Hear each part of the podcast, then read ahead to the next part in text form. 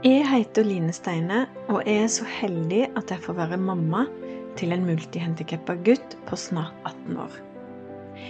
Hvis du har lyst til å høre hvordan dette har berikt mitt liv, og hvordan det har fått meg til å vokse som menneske og sjel, så burde du høre på denne podkasten her. For et par dager siden så var jeg og Tor så heldige at vi fikk være med på en festmiddag som serverte femrettersmeny med gode viner og prisutdeling og overraskelser. Det var altså samla kokketeam på fem stykker, lokale mentorer, som lagde hver rett sammen med kokkelærlingene sine. Og det var servitørlærlinger, og det var resepsjonslærlinger. Det vi da fikk oppleve som jeg syns var høydepunktet på hele kvelden For det første så var det jo den fantastisk gode maten og alle de nydelige menneskene. Men det som gjorde mest inntrykk på meg, det var to ting. Det ene var de mentorene eh, som var kokker. Hvordan de løfta opp sine lærlinger. Hvordan de inspirerte de. For lærlinger er jo en viktig fase i livet hvor de skal velge et yrke og livsretning, og kanskje er litt usikre på om de har gjort riktig valg. Og de her mentorene klarte å løfte de, vil jeg si, og de skapte tillit, og de ga trygghet, og de motiverte, og de støtta. De viste respekt. De anerkjente de. Og altså, jeg hadde følt meg veldig trygg som lærling, da. Å se all den kjærligheten de ga til de, og hvordan de inspirerte de og løfta de opp, det var veldig, veldig flott å se på. Og da blir jeg så glad. Fordi at du har faktisk en veldig viktig rolle når du er blitt eldre i livet. Og da kunne være så trygg og kunne løfte opp andre og la andre få skinne, det imponerte meg veldig på måten de gjorde det på. For mange, mange år siden så var jeg òg lærling eh, i resepsjonsfag på Hovden høyfjellshotell. Og da var vi på en sånn lærlingtur til Danmark, hvor vi spiste femretters middag på en kro. Og vi hadde da en person som var fra opplæringskontoret som het Jørn, som var vår mentor, og samla lærlingene og gjorde dette for oss. Um, og så plutselig nå, så På den turen så var det en som het Tom, som var med, som jeg da ble kjent med en fra Grimstad. Og han var jo da lærling, han også. Og nå viser det seg at nå har han tatt over jobben til den til han som var sjef for lærlingskontoret før han var jo Han sa det begynte jo på vår første tur, sier han, når vi var til Danmark. Det var da det hele begynte. Eh, og da han hadde tatt over den jobben, så hadde han funnet et bilde på kontoret til han gamle sjefen hvor det var bilde av oss fra den første turen. Og bare Jeg kjente at det rørte noe med meg, for jeg følte liksom at jeg var med på jeg var med på en del av en reise da, som hadde utvikla seg til noe så flott som vi var på den kvelden.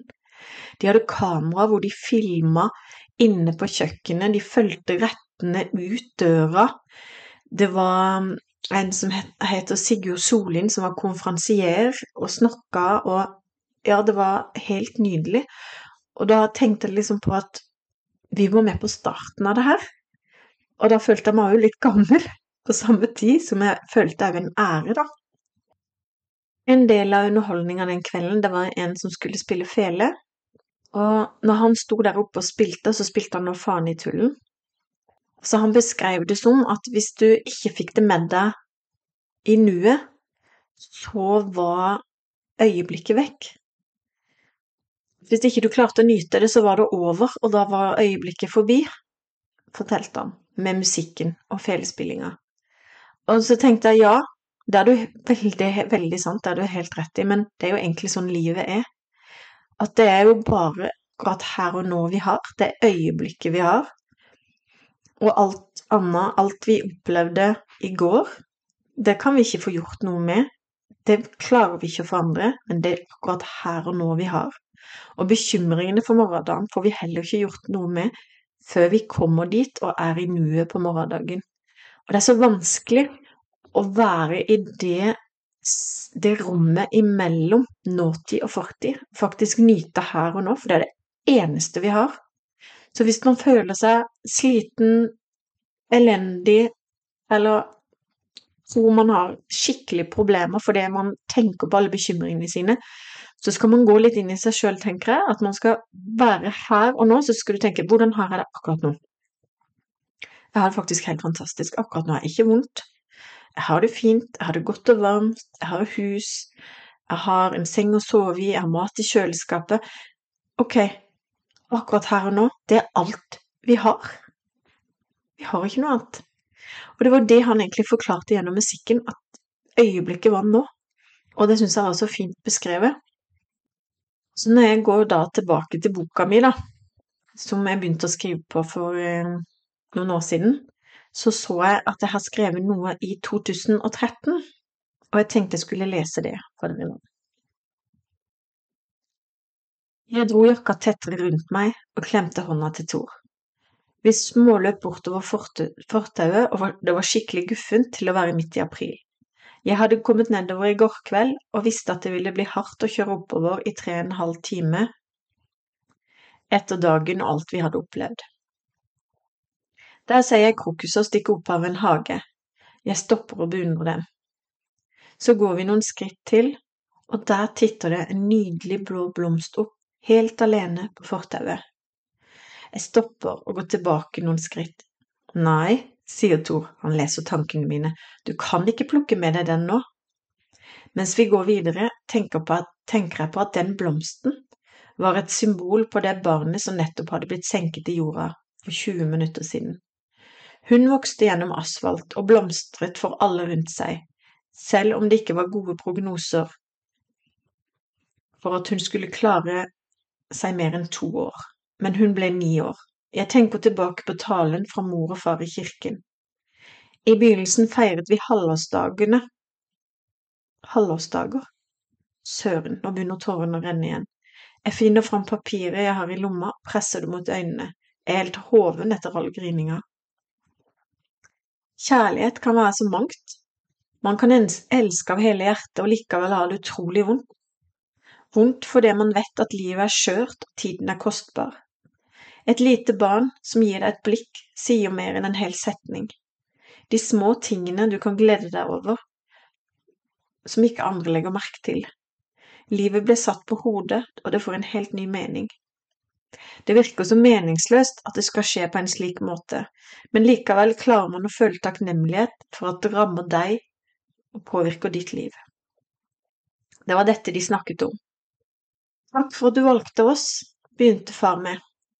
Takk for at jeg fikk lov til å være mammaen din, var mors ord. Det hele ble så mye sterkere enn jeg hadde forberedt på.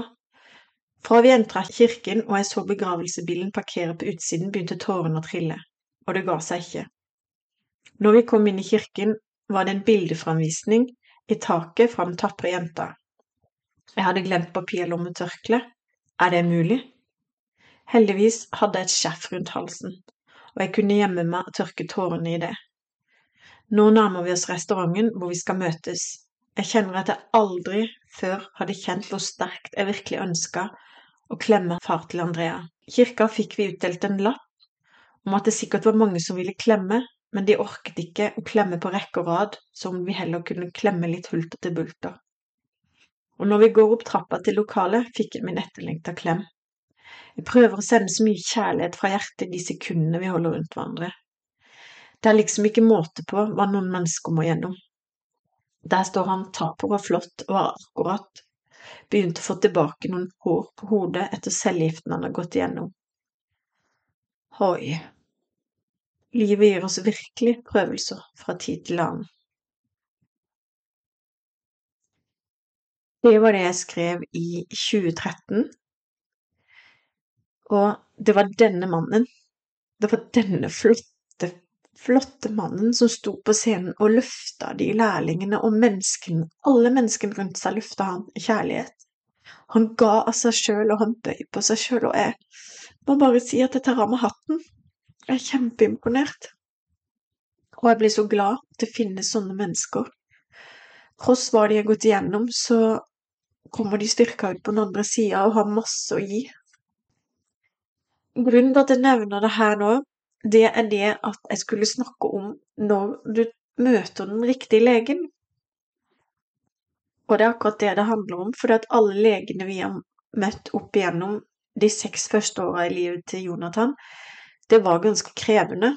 Fordi at hver gang vi traff en ny lege, så måtte vi fortelle historien vår om igjen. Og det var fagkyndige personer, profesjonelle, de var autoriteter. Og du følte deg kraftløs, og du følte deg liten i møte med mange av de legene. Og alle ville finne Alle ville finne fasiten, alle ville finne svaret, alle ville løsningen. Og det kan være litt krevende, det òg det vi kjente på, var jo at hver gang vi traff en ny lege, så måtte vi fortelle historien fra nytt. Hver gang måtte vi dypdykke i alt som hadde skjedd, alt det vonde måtte vi rive opp i og fortelle på nytt, og det kan være ganske krevende når du allerede er i en sårbar situasjon. Så i 2011, når Jonathan var seks år, da var vi så heldige å møte engelen i legefrakk. Dette var en lege som ikke kan få skrytt av. Han heter Torsten Gerstner, og han var lege på habiliteringstjenesten i Arendal.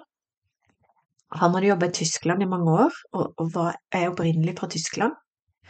Han har vært sykepleier i bunnen, og det kan nok hende at det skinte gjennom på en annen måte, fordi at han har møtt menneskene gjennom flere flere etapper i sin utdannelse, flere epoker i utdannelsen sin. Han møtte oss med respekt, med forståelse, med trygghet. Han anerkjente det vi hadde å komme med, og hørte på oss som foreldre. Han sa at det er dere som kjenner barnet best.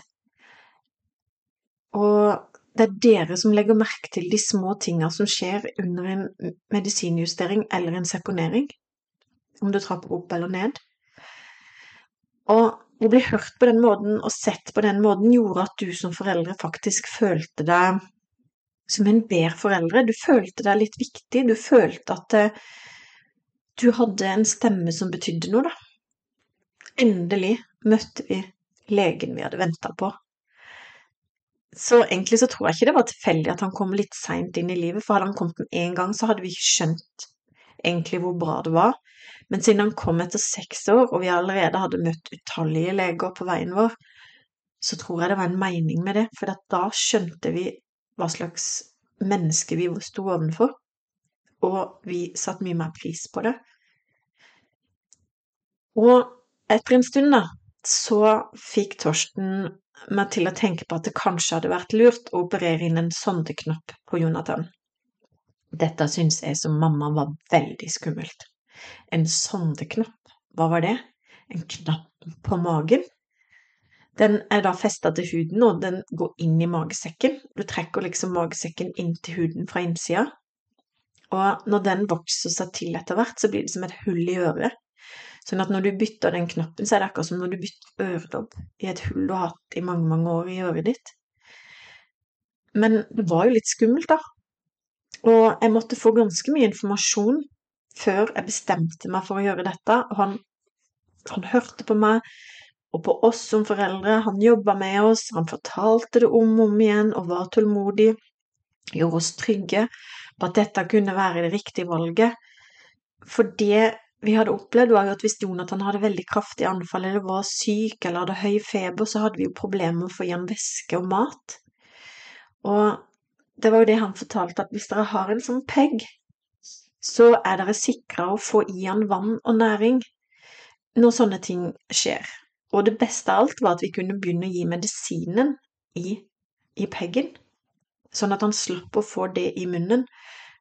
Det er jo kjent òg at medisin er veldig sterkt på tenner og tærer på tennene.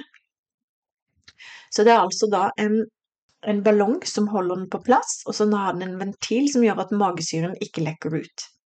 Og den har vi fått så mye glede av, og jeg er så glad for at vi opererte den inn. Det var bare så skummelt, og det tok noen år før jeg virkelig sa ja til det.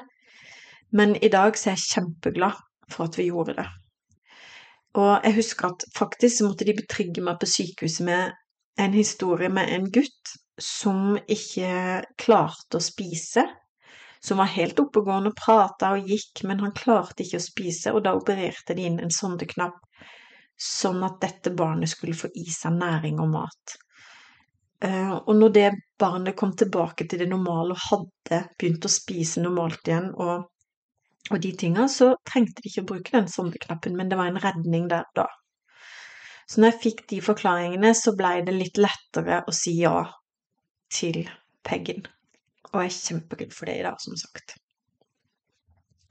Så hadde vi en episode som var veldig tøff for meg, hvor Jonathan havna i Det endte med at han havna med legehelikopter fra Bykle. Og det var akuttsituasjon, og han ble intubert. Altså, han fikk en slange ned i gjennom halsen ned i lungene som pusta foran. En pustemaskin ble kobla på. Og det har jeg òg skrevet om i boka mi, så nå tenkte jeg skulle lese et utsnitt av hvordan jeg beskrev det døgnet før det skjedde, for akkurat da så var jo selvfølgelig ikke Tore hjemme. Dette kapitlet er kalt Ut av kroppen-opplevelse. Jeg falmer etter telefonen og holder den opp til øret. Hallo? Hei, det er ambulansepersonale, vi finner ikke helt fram. Det er hus nummer 14 oppe i svingen.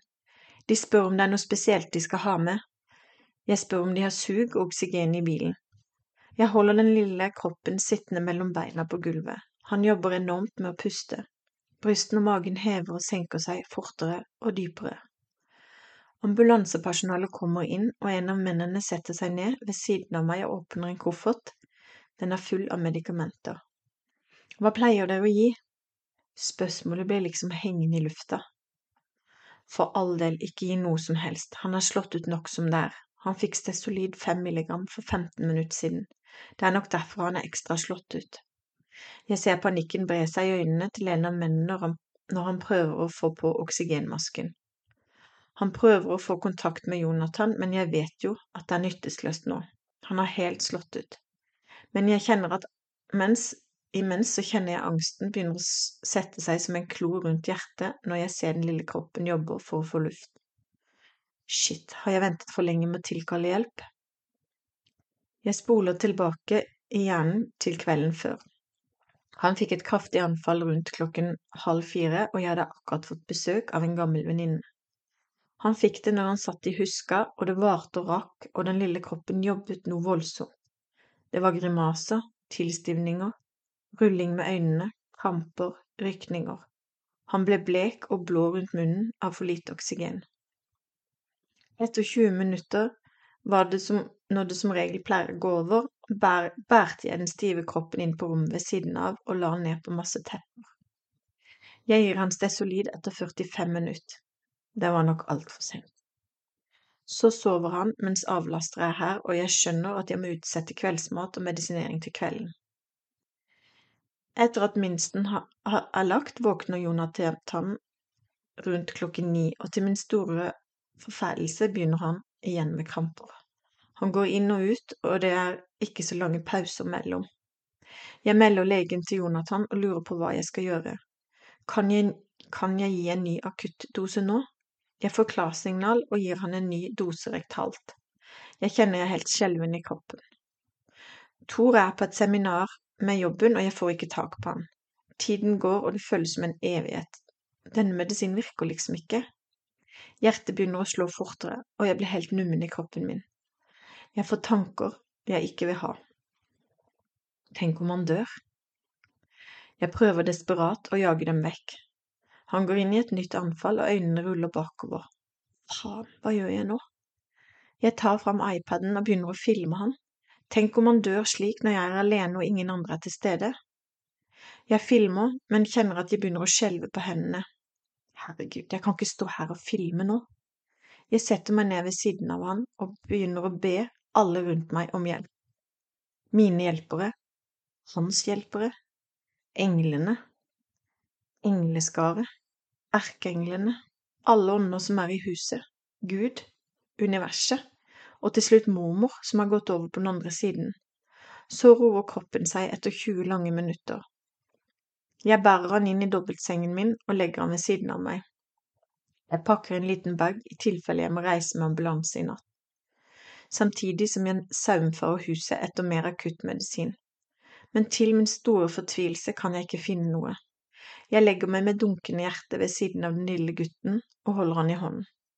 Jeg ber noen bønner til og ligger våken resten av natten. Til og fra. Klokken tre begynner han å riste igjen. Så går det 30 minutter, så får han et nytt anfall. Slik holder han på til klokken seks. Jeg står opp. Jeg har ofte sett at det hjelper å få han ut av denne halvsøvnen han er inne i. Og han får en lang dusj, og jeg får endelig gi han mat og medisiner. Så våkner Kasper, og dagen begynner. Fysioterapeuten kommer klokken ni, og da sover Jonathan igjen. Men dette gjør at jeg får kjørt Kasper i barnehagen.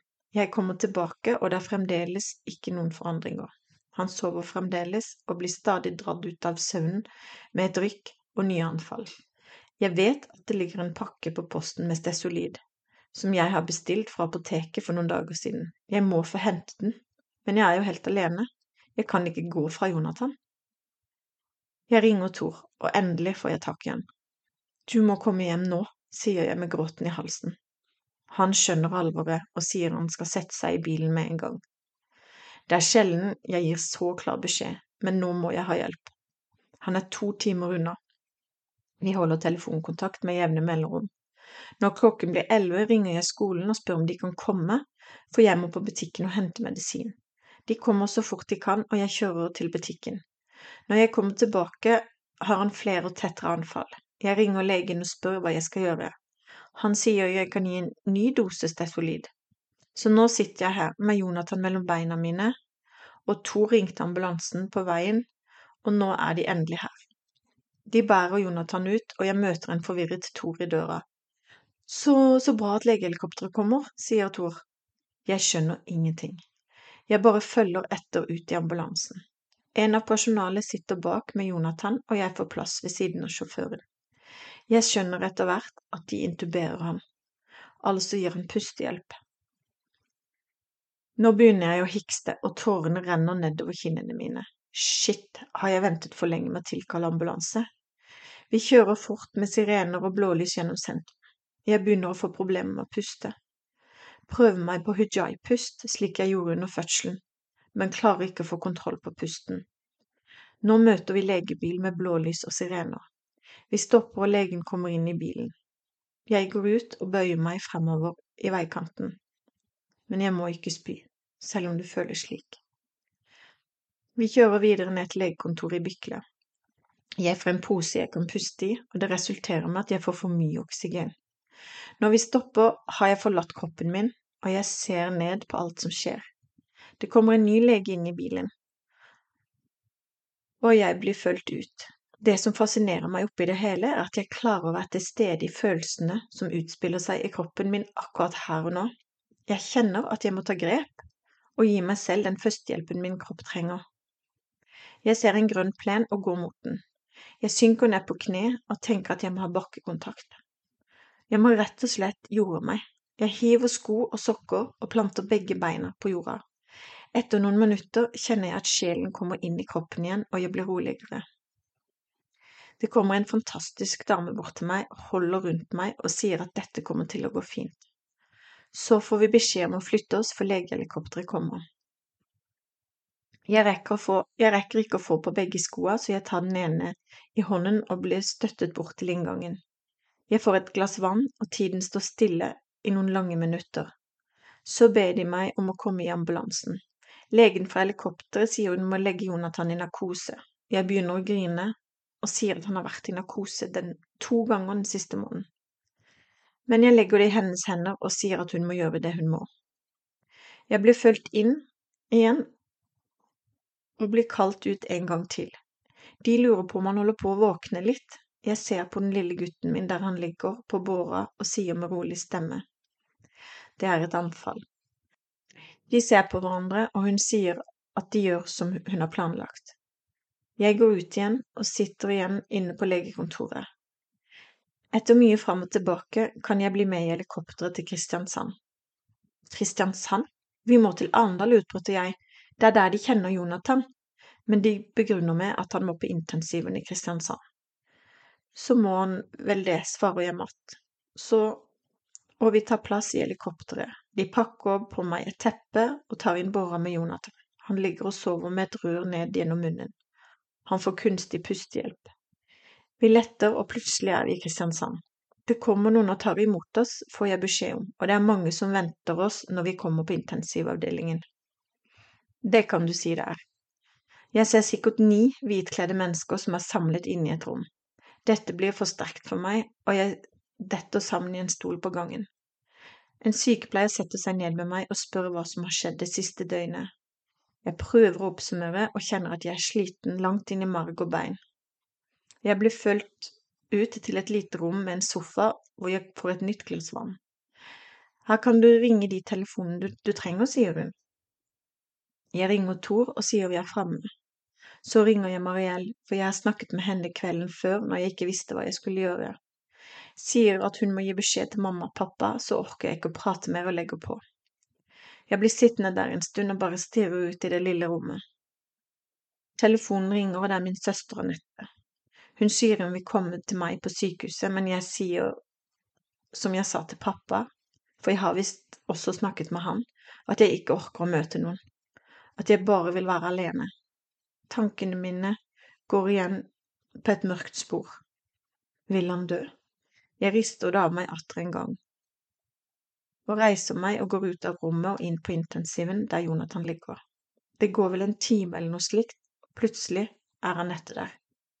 Hun møter meg på en fantastisk måte, og er bare der sammen med meg. Hører på når jeg forteller og tømmer meg på henne. Så var hun der altså, en, enda en gang, og banket på min hjertedør som så mange ganger før, stilte hun seg i døråpningen og ventet til at jeg lukket helt. Takk, Anette, for at du kom.